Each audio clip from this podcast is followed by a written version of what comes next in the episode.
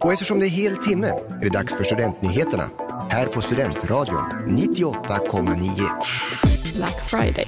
Orange ljus för avskaffande av våld mot kvinnor. Svenska kyrkan ber om ursäkt för övergrepp mot det samiska folket. Och kårernas fullmäktige möts på plats igen.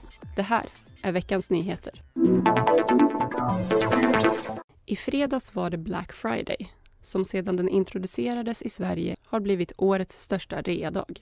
Enligt en undersökning av jämförelsesajten Prisjakt planerade 35 procent av Uppsalaborna att handla på Black Friday-rean medan 57 procent hade en negativ inställning till Black Friday.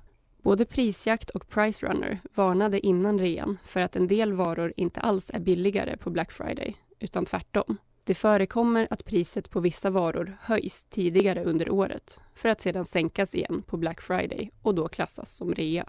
Även den pågående fraktkrisen och komponentbristen gjorde att årets rea förutspåddes bli dyrare än tidigare år. Trots detta är Black Friday fortfarande den billigaste dagen på året att shoppa och 2021 så slogs omsättningsrekord. 25 november är FNs internationella dag för avskaffande av våld mot kvinnor. För att öka medvetenhet genomförs på många platser i världen Orange Day, där olika byggnader lyses upp i orange. Och så även i Uppsala. Det rapporterar SVT Uppsala. Bland annat infartsbollarna, Edda Spången och Uppsala stadsteater lyste orange under torsdagen. I samband med dagen tog Uppsala kommun ett beslut om en nollvision mot våld i nära relationer.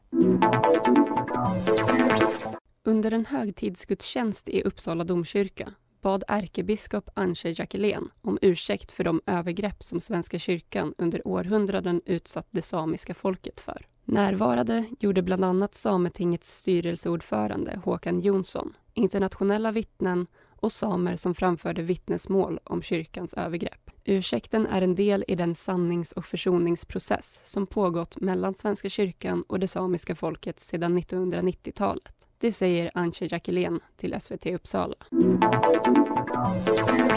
Efter en pandemi fylld av demokrati på distans kunde två av studentkårerna i Uppsala äntligen ha fysiska fullmäktigemöten igen. Både Uppsala studentkår och Uppsala teknolog och naturvetarkår höll torsdagen den 25 november sina första fysiska möten i kårfullmäktige på över ett år. Uppsala teknolog och naturvetarkår diskuterade bland annat fördelning av sektionsrum och Emil Björnström valdes till ny talman.